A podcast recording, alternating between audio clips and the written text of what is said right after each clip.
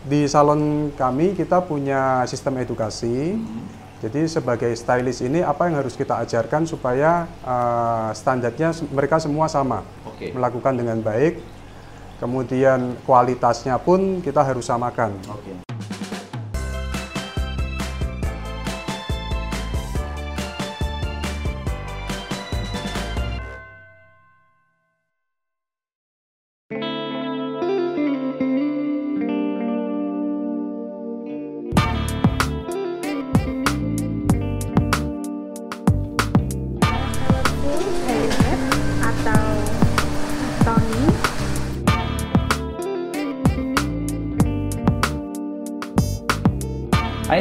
Ifle, founder Top Coach Indonesia. Teman-teman, hari ini saya kedatangan tamu luar biasa, Pak Likwang, pemilik Likwang Salon di Semarang yang menurut saya sangat-sangat inovatif dan luar biasa. Halo Pak Likwang, apa Halo. kabar? Baik, Wah, kabar baik. Pak Likwang, hari ini eh, kita akan membahas topik tentang bagaimana cara membangun bisnis salon yang efektif. Terima kasih kamu sudah klik video ini, tapi jangan lupa klik subscribe, nyalakan notifikasinya untuk bisa mendukung channel ini agar bisa terus upload video bisnis dan motivasi setiap hari. Agar Anda tidak ketinggalan video keren dari saya. Jangan lupa di-share, you are the best. Banyak sekali di luar sana punya salon tetapi kurang customer. Ya, Punya salon tapi susah cari karyawan. betul, Punya salon tapi karyawannya tidak berkualitas. betul. Nah, kira-kira apa sih uh, kiat-kiat dalam membangun sebuah bisnis salon yang efektif? Mungkin bisa cerita dulu sejarah Palikwang itu membangun salon seperti apa? Oh, dulu salon saya mulai dari lima kursi, ya. Waktu itu kita, saya buka salon umur waktu 19 tahun, Pak. 19 tahun. 19 tahun. Wow. ya. Salon pertama saya di Jalan Kampung Kali di Semarang. Nah, waktu itu karyawannya saya masih lima orang. Ya, sebenarnya waktu itu karena terlalu muda saya nggak ngerti caranya rekrut karyawan, Pak. Hmm, Bener-bener eh, waktu itu dibantu mama. Jadi mama saya itu dia cari ke sana ke sini. Oh si ada stylist di salon ini bagus. Ada stylist di salon ini bagus. Ya kita tawarin aja mereka pekerjaan. Tapi karena saya nggak punya pengalaman untuk memanage orang, mungkin pada saat itu ya dari yang kita rekrut ini mungkin mereka kurang kurang puas dengan dengan uh, manajemen kita karena saya masih baru dan saya masih belajar bagaimana cara mengelola sebuah salon. Ya, itu waktu umur saya umur 19 tahun. umur 19 tahun. Ya. Ber- berarti baru lulus SMA ya? Ya, sebenarnya uh, nggak lurus juga, Pak. Oh, jadi nggak nggak lulus SMA, Ya. nggak lulus sekolah, lalu bekerja gitu? ya. Apa nggak diomelin sama orang tua? Ah, sebenarnya orang tua juga shock waktu itu saya kelas 2 SMA. eh, saya minta keluar dari sekolah untuk serius menekuni bidang salon, di mana saat itu nggak lazim juga seorang laki-laki menekuni bidang usaha salon pada saat Oke, itu. karena itu persepsinya ke wanita ya, Iya, lebih persepsinya cocok ke- untuk wanita. Iya. Terus gimana mengatasi em, meyakinkan orang tua sampai kok akhirnya diizinkan? Nah, sebenarnya orang tua sudah tahu sejak karena sejak SMP kelas 3 itu saya pada waktu liburan sekolah eh, memang ada saat di mana pada waktu itu orang tua saya tanya, "Eh, ini liburan nih mau ngapain? Kita nggak ke mana-mana loh. Terus eh, saya jawab, boleh nggak kalau saya les eh, tata rambut, les potong rambut waktu itu saya bilang gitu. Orang, tua- orang tua saya kaget, uh, kok kamu bisa kepingin les potong rambut sih? Ya, nah sebenarnya kenapa saya bisa suka sebenarnya dari dulu dari kecil itu memang saya sering menemani mami pergi ke salon. Mami nggak punya salon, cuman pada waktu itu mami sering ke salon. Nah pada waktu itu saya lihat, wah ternyata kerjaan orang jadi penata rambut itu enak ya. Tempatnya bagus, cewek eh, customernya jadi cantik-cantik, terus pelanggannya setiap pulang dari salon happy. Happy. Saya lihat mami saya juga tiap kali pulang salon dia tersenyum, happy gitu. Nah, itu yang menanamkan di diri saya bahwa wah kelihatannya ini sebuah pekerjaan yang asik nih. Waktu pas eh, apa membuka pertama salon itu modal sendiri atau dibiayai oleh orang tua? Waktu pertama kita di- saya dibiayai sama Hmm. orang tua. Kalau nggak salah saya masih ingat jumlah nominalnya itu 100 juta waktu zaman itu. Itu udah bisa kontrak tiga tahun, kemudian saya bisa renovasi, beli peralatan lengkap waktu itu. Hmm, dan waktu itu salon belum terlalu banyak mungkin ya? Salon sudah banyak. Oh sudah banyak. Sebenarnya sudah banyak salon di Semarang itu pada waktu itu sudah banyak dan banyak yang terkenal juga. Hmm. Ya. Mengatasi persaingan salon saat itu dengan hari ini sama nggak?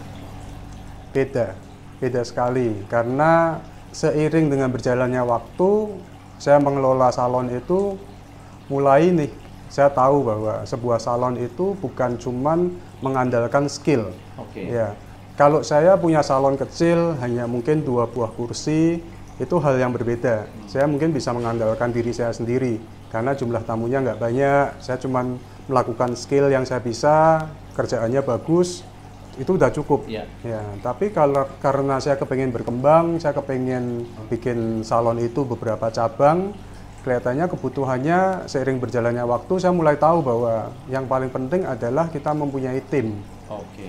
Ya. Jadi itu yang menjadi uh, hal penting ketika kita mau mengembangkan lebih jauh lagi. Jadi Iya, hari ini dengan dulu kalau sendirian berbeda, kalau dengan orang yang lebih banyak berbeda. Tapi yang membuat Likwang Salon ini begitu populer, mungkin supaya bukan saya yang ngomong ya, sudah pernah dapat penghargaan apa aja sih? Eh, awalnya penghargaan itu bersifat individu, misalkan saya menang juara cutting nasional, kemudian saya mendapatkan penghargaan di Asian Competition, Internasional berarti itu ya? ya eh, eh, ASEAN, tingkat ASEAN, dan terakhir-terakhir ini karena secara berjalannya waktu saya mulai mengembangkan tim, saya banyak eh, mendapatkan penghargaan yang sifatnya teamwork. Jadi memang pekerjaan ini secara tim kita membuat kreasi dan kemudian ini menjadi eh, kemenangan dari tim kita. Jadi, Penghargaan terbaru yang didapat belakangan ini apa? eh, tahun 2019 bulan November yang lalu kita baru saja menjuarai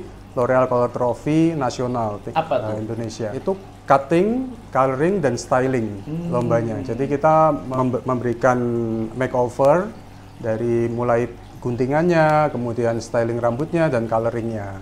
Itu untuk tingkat nasional kemarin. Dan itu tim tuh yang menang tuh, ya, bukannya sendirian ya? Ya, saya mengir- eh, mengirimkan eh, empat tim Oke.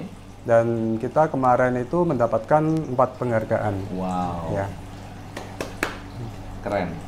Nah, kita akan ngobrol dengan timnya ya. Siapa yang siapa yang eh, berangkat dan kenapa kok bisa menang kita mau tahu juga. Halo Mbak Ati, apa kabar? Halo, oh, Kenalin dulu dong. Ini dapat saya dapat dapat ini nih, Bocoran dapat ya? bocoran dari Palikuan. Katanya ada yang baru dapat award. Gimana ceritanya? Eh, happy banget yang pasti eh, kemarin itu kita udah ikut di ajang perlombaan, eh, ajang internasional yang cukup bergengsi di dunia hairdresser. Karena ini ajang yang nggak main-main, juga nggak yang tiap tahun dilakukan sih. Ini empat tahun sekali sepertinya karena saking besarnya ajang ini gitu. Eh, ini L'Oreal Color Trophy. Eh, jadi ini perlombaan bagaimana eh, brand L'Oreal ini mencari bakat seseorang hairdresser yang dia itu bisa melihat fashion dalam bentuk secara global. Eh, bagaimana menstyling cewek yang eh, pas dengan karakternya dan up to date banget dengan yang sedang uh, in di dunia ini. Terus uh, di situ kemarin tema yang cukup plus didapat itu saya uh, ngebawain tema The Inca Girl itu terinspirasi dari kayak suku Inca di pedalaman Peru gitu. Uh, biarpun dia itu suku di pedalaman tapi intelijensitasnya tuh tinggi banget. Nah itu yang menginspirasi saya bahwa sosok cewek yang keren itu modelingnya keren, terus otaknya juga cerdas pastinya. Dari tim Likwang itu kita ngeluarin empat karya. Kebetulan empat-empatnya juga dapat award. Eh, salah satunya saya, eh, winnernya. Satu lagi itu best best award eh, kategori majalah. Terus ada satu lagi eh, juara dua. Jadi juara satu duanya kita bawa semua. itu yang cukup bikin juri bingung juga sih ini mana, mana ya yang dimenangin juara satunya gitu. Karena ini baru tingkat Indonesia, jadi kemarin itu dua, dari 200 peserta, seluruh Indonesia jadi, jadi satu dan dipilih oleh Indonesia untuk mewakili Indonesia di tingkat internasional nanti di Milan, tanggal 1 April, 1 sampai 2 April. Jadi nanti kumpulnya juga sama uh, Portugal, Meksiko, Jepang, seluruh dunia nanti jadi satu. Semoga uh, saya bisa ngebawain karya ini sebagai udah nggak nama Likuang lagi tapi na udah nama Indonesia gitu. Kita kan seniman ya, seniman tuh kayak uh, apa sih orang yang karpe dewe gitu. Jadi kayak susah diatur, punya punya prinsipil sendiri gitu. Begitu coaching masuk, oh ternyata seorang seniman itu memang tetap harus ada aturannya gitu. Bagaimana menjadi seorang seniman yang bisa menginspirasi banyak orang gitu. Jadi nggak cuman ajang untung aja atau ajang bejo aja itu nggak seperti itu. Jadi bagaimana kita itu mengenali diri sendiri dulu, kita mengalahkan uh, kepahitan diri kita, terus kita ngerti kelemahan diri kita sehingga kita tuh kayak udah mulai dibawa ngerti gitu. Uh, kalau seorang seniman itu tuh ternyata bisa memiliki dream, bisa memiliki goal yang besar juga, yang benar-benar bisa mempengaruhi alam bawah sadar kita, yang bisa kita skemain, yang jadi itu semua itu kita dapetin di selama kita di coaching selama ini. Kalau kalau dari customer apa sih yang selalu mereka katakan tentang Likuang Salon? Ya ini susah juga ya, susah karena juga. ini saya ngomong sendiri ya. Kesannya saya ngerti ngecap ini. Tapi kalau dengar-dengar ya, yang yang menjadi sebuah uh, keunikan ya. dari Lingkuang Salon itu apa di mata customer? Uh, yang paling saya sering dengar itu customer itu puas karena servisnya. Servisnya. Ya, pelayanannya, servisnya, kemudian hasil kreasinya cukup up to date. Uh, memang saya sendiri selalu menomorsatukan uh, inovasi dan uh, tren karena saya belajar langsung di mana pun ada inovasi yang terbaru apa, mulai dari peralatan sampai fashionnya, saya juga langsung belajar dari pusatnya langsung. Misalnya uh, pewarnaan balayat itu pada tahun 2014 itu saya sempat sudah dengar di Amerika jadi booming. Meskipun balayat itu nama teknik pewarnaan uh, yang asalnya adalah dari Prancis, tapi itu tekniknya sudah lama sebenarnya, tapi kemudian di Amerika itu tiba-tiba menjadi booming karena bintang film-bintang film di Amerika mema mereka memakai teknik pewarnaan itu untuk menghasilkan warna-warna yang mereka pakai. Nah, saya riset kemudian siapa sih yang jago melakukan itu di Amerika pada waktu itu dan dari riset itu saya dapat beberapa nama. Nah, pada waktu itu saya ada kesempatan Uh, kebetulan saya mendap, uh, masuk masuk sebagai finalis di One Shot Award itu dari International Award di Amerika. Kebetulan saya jadi finalis. Nah di situ ada beberapa seminar-seminar, uh, salah satunya sat, uh, stylist ini. Dan mungkin ya saya merasa sudah wah ini udah jalannya nih. Saya bertekad saya berangkat sendirian ke Amerika dan saya belajar dari dia juga. Sekaligus saya menghadiri acara final itu. Okay. ya.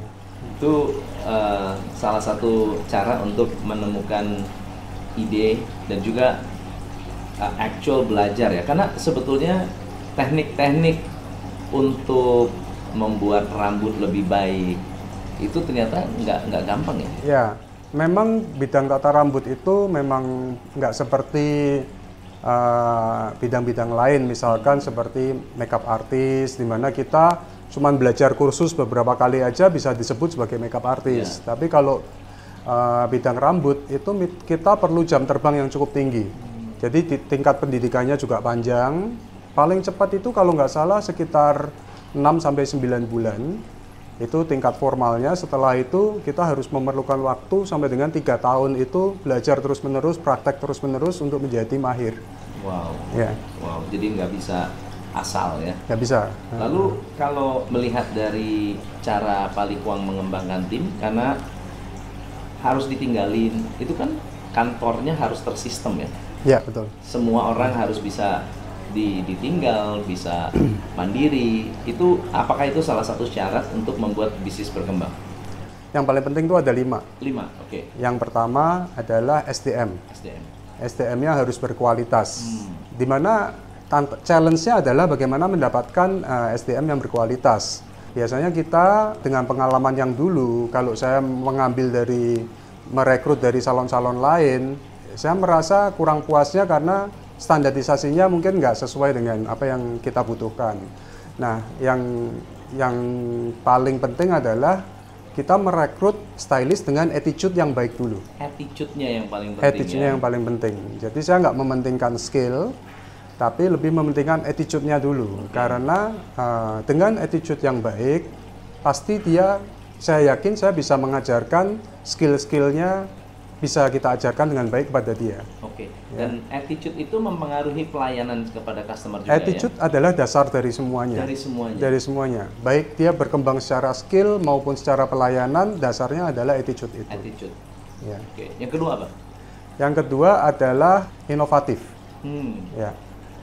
Jadi di dalam salon ini kita harus memikirkan bagaimana apa yang bisa kita berikan kepada customer yang terbaru. Karena customer ini selalu ingin tren yang terbaru, dia ingin sesuatu yang up to date. Ya. Nah, itu yang memang yang saya pegang sampai sekarang karena saya tahu customer kalau ke sini mereka bayar cukup mahal karena mereka ingin dapat sesuatu yang baru dan berbeda. Oke.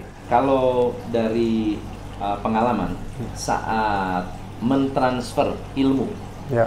dari Palikuang ke tim itu apa sih yang dilakukan oleh? Nah, itu yang ketiga. Oke, yang ketiga. Yang ketiga adalah edukasi. Oke. Ya.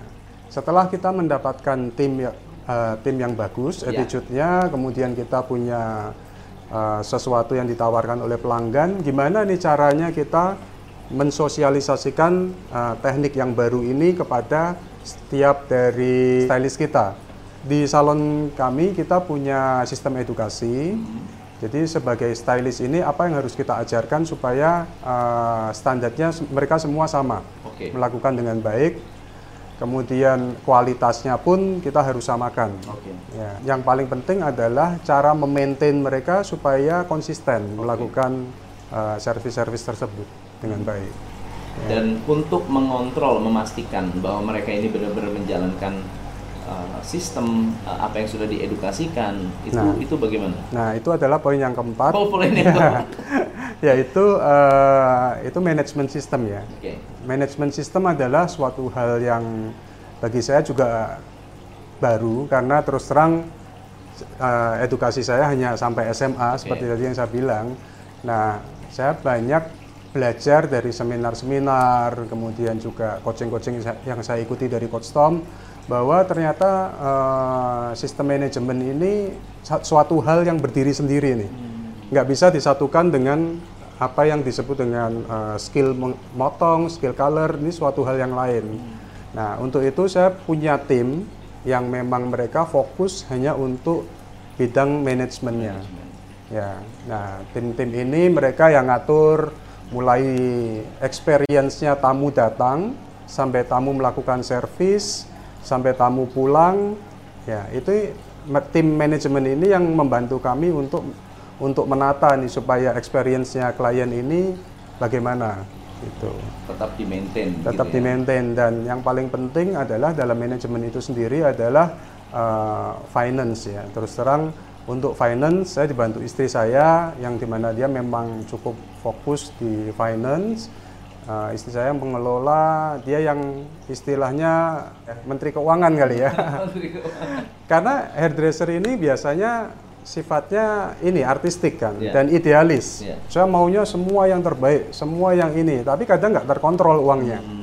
Dan ini pun nggak bagus buat Iya. company katanya. Nah dan itu memang dulu-dulu saya sebelum mengikuti coaching saya pernah mengalami hal-hal tersebut. Oke, oke. Ya jadi kayak nggak nggak nggak punya rem gitu Oh. ceritanya, nggak punya rem. Semua maunya ini, ini gedung yang bagus, ini harus yang ini, ini harus yang ini, tapi tanpa memperhitungkan uh, finance-nya. Ya, ya, ya, ya, tanpa tanpa mempertimbangkan returnnya ya. Eh, Tanpa mempertimbangkan return-nya betul sekali. Oke. Eh, Yang saya perhatikan adalah kita juga eh, mendapatkan banyak sekali feedback masukan dari klien-klien uh, Palikuang, terutama pada saat kita coaching. Saya juga ketemu banyak orang yang kebetulan klien saya juga kliennya Palikuang. Oh, gitu ya. iya, iya. Nah, mereka itu selalu impress dengan culture budaya. Kenapa penting? Untuk memiliki corporate culture itu kenapa penting? Nah, itu kembali lagi seperti yang saya bilang di poin pertama bahwa yang paling penting adalah attitude. Attitude, ya. Ya. Attitude itu masuk ke dalam culture saya. Ini base-nya dari culture-nya salon kami. Ya. Jadi culture ini dibutuhkan ketika kita melayani customer. Iya. Jadi secara natural udah kelihatan gitu, tanpa dibuat-buat. Oke. Setelah saya menjalani, culture ini ternyata bisa dibentuk.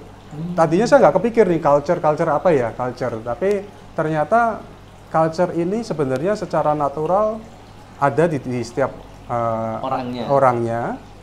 Dari hasil pembentukan kita secara konsisten kita training. Hmm. Nah, kita akhirnya membentuk suatu culture di mana culture ini cukup disukai oleh masyarakat di sini. Ah. Bisa kasih rekomendasi kak ke teman-teman kira-kira kalau untuk membangun culture itu apa tips-tipsnya? Uh, Tips-tips dalam mem- membangun culture yang pertama kita harus satukan dulu visi dan misi kita. Visi dan misi. Ya, jadi dulu waktu pertama kali saya mulai bisnis ini saya nggak punya visi dan misi Ya. dan saya sering cari coach, cari konsultan. Mungkin coach Tom juga pernah pe- punya pengalaman kan? Saya waktu saya Iya, datangin, iya, iya. coach, tolong dong saya dibuatkan Visi visi, misi." dan misi. saya masih ingat pertama kali. Dan coach Tom waktu itu kan tertawa ya. Oh iya iya iya. Dan memang itu saya lakukan eh, terhadap semua setiap orang ahli dalam saya- yang saya pikir ahli sebagai konsultan, saya tanyakan, bisa nggak kasih eh, visi misinya ke saya? Ternyata itu salah. Hmm. Saya nggak tahu, ternyata itu salah. Dan saya baru tahu visi misi itu datang dari hatinya tim kita. Hmm. Itu yang paling penting. Kalau itu keluar dari hati mereka, mereka sendiri yang uh, membentuk itu jauh lebih mudah bagi kita untuk mewujudkan visi dan misi, Visi tersebut. dan misi tersebut. Wow. Ya. Jadi tips pertama adalah itu. Oke, tips yang kelima terakhir. Tips kelima adalah customer service, Customer uh, service. sat- satisfaction ya. Customer Jadi satisfaction. kepuasan pelanggan.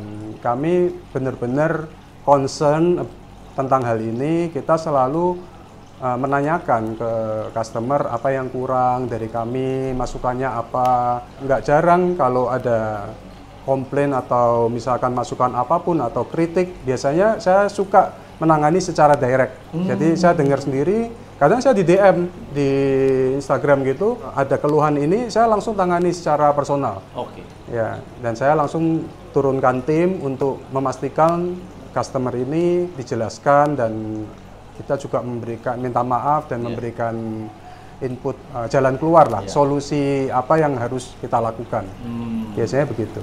Jadi lima hal tadi itu eh, ternyata menyatu ke dalam tim dan itu masuk ke dalam sistem edukasinya eh, Likuang Salon. gitu Betul, ya. ya. Lalu bisa kasih gambaran apa sih sebetulnya kesulitan bisnis ini? Kalau ada orang-orang yang punya skill ingin bergabung itu recommended nggak sih? Kalau ingin gabung dengan Likuang, Rekomen rekomen sekali karena uh, di dalam salon kami, di dalam company kami, kami ingin memberikan kesempatan bagi para stylist-stylist ini juga mempunyai salon. wow, Masih wow. bisa bekerja sama dengan kita untuk mempunyai salon Jadi sendiri. malah dibantu Ya, untuk punya salon. ya. Wow, itu apakah nggak nanti jadi kompetitor?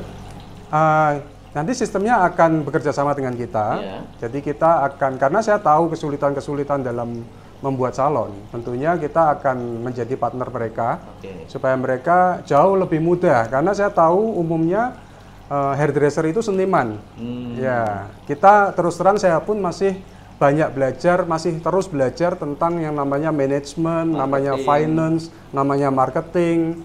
Ya, dengan begitu besarnya kompleksitasnya di bidang hairdressing sekarang ini, nggak ada salahnya bagi mereka untuk bekerja sama. Oke. Ya, daripada mereka membuka sendiri, kemudian mereka mengalami trial dan error yang berkali-kali seperti yang saya Iya, iya. rasakan. Ini salah satu eh, istilahnya Itu shortcut, ya, shortcut banget. shortcut. Nah, teman-teman buat anda yang eh, stylist atau mungkin anda punya passion di dunia salon dan tentunya ingin mengembangkan diri, mengembangkan bisnis, membuat Anda memiliki bisnis bukan hanya sekedar menjadi seorang stylist. Saya pikir Palikuang ini sangat-sangat keren banget karena berarti semua kalian bisa punya bisnis ya. Ya. Semua stylist bisa punya bisnis. Bisa punya bisnis. Dan bisa berpartner dengan Palikuang. Dan ini akan ada prototipenya, betul ya? Ke depan Soon. ini akan ada Coming very soon. coming soon. Prototipenya bakal ada. So, ada pesan apa buat teman-teman di luar sana?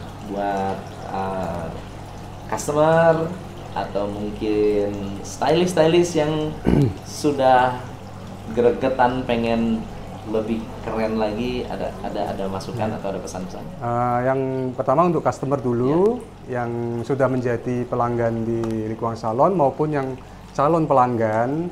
Ya, yang pertama terima kasih atas uh, trustnya yang selalu uh, menjadikan berpikir bahwa Likuang Salon adalah salon yang memberikan pelayanan yang cukup baik Ya. dan ini akan kami berjanji akan terus mengembangkan ini dan kita akan terus memberikan yang terbaik uh, untuk melayani customer-customer kita. Nah, yang kedua yang untuk para stylist yang ada di luar sana, yang pertama adalah jangan pernah berhenti belajar karena bagi seorang stylist itu kalau dia berhenti belajar berarti dia mundur. Ya, jadi jangan berpikir bahwa berhenti di zona nyaman itu adalah maju, tapi ini adalah sebuah kemunduran. Jadi saya eh, advice kalau ingin jadi stylist yang tetap up to date, jangan pernah berhenti belajar. Karena beberapa tahun terakhir ini kita memang mendapatkan berbagai macam tren dan berbagai macam teknik.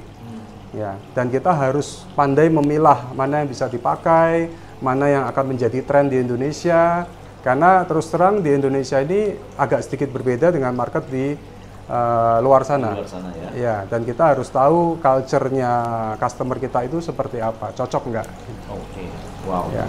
Thank you banget, Balik Wang Thank you. sudah sharing dengan teman-teman di channel Tom MC Play. Thank you so much buat teman-teman yang sudah hadir. Please comment, subscribe, dan like. Dan kalau ada pertanyaan, please komen di bawah ini. Semoga next time bisa kita ngobrol-ngobrol lagi dengan Wang. Thank Saya you. Tom MC Play, salam pencerahan. Hanya di Top Coach Indonesia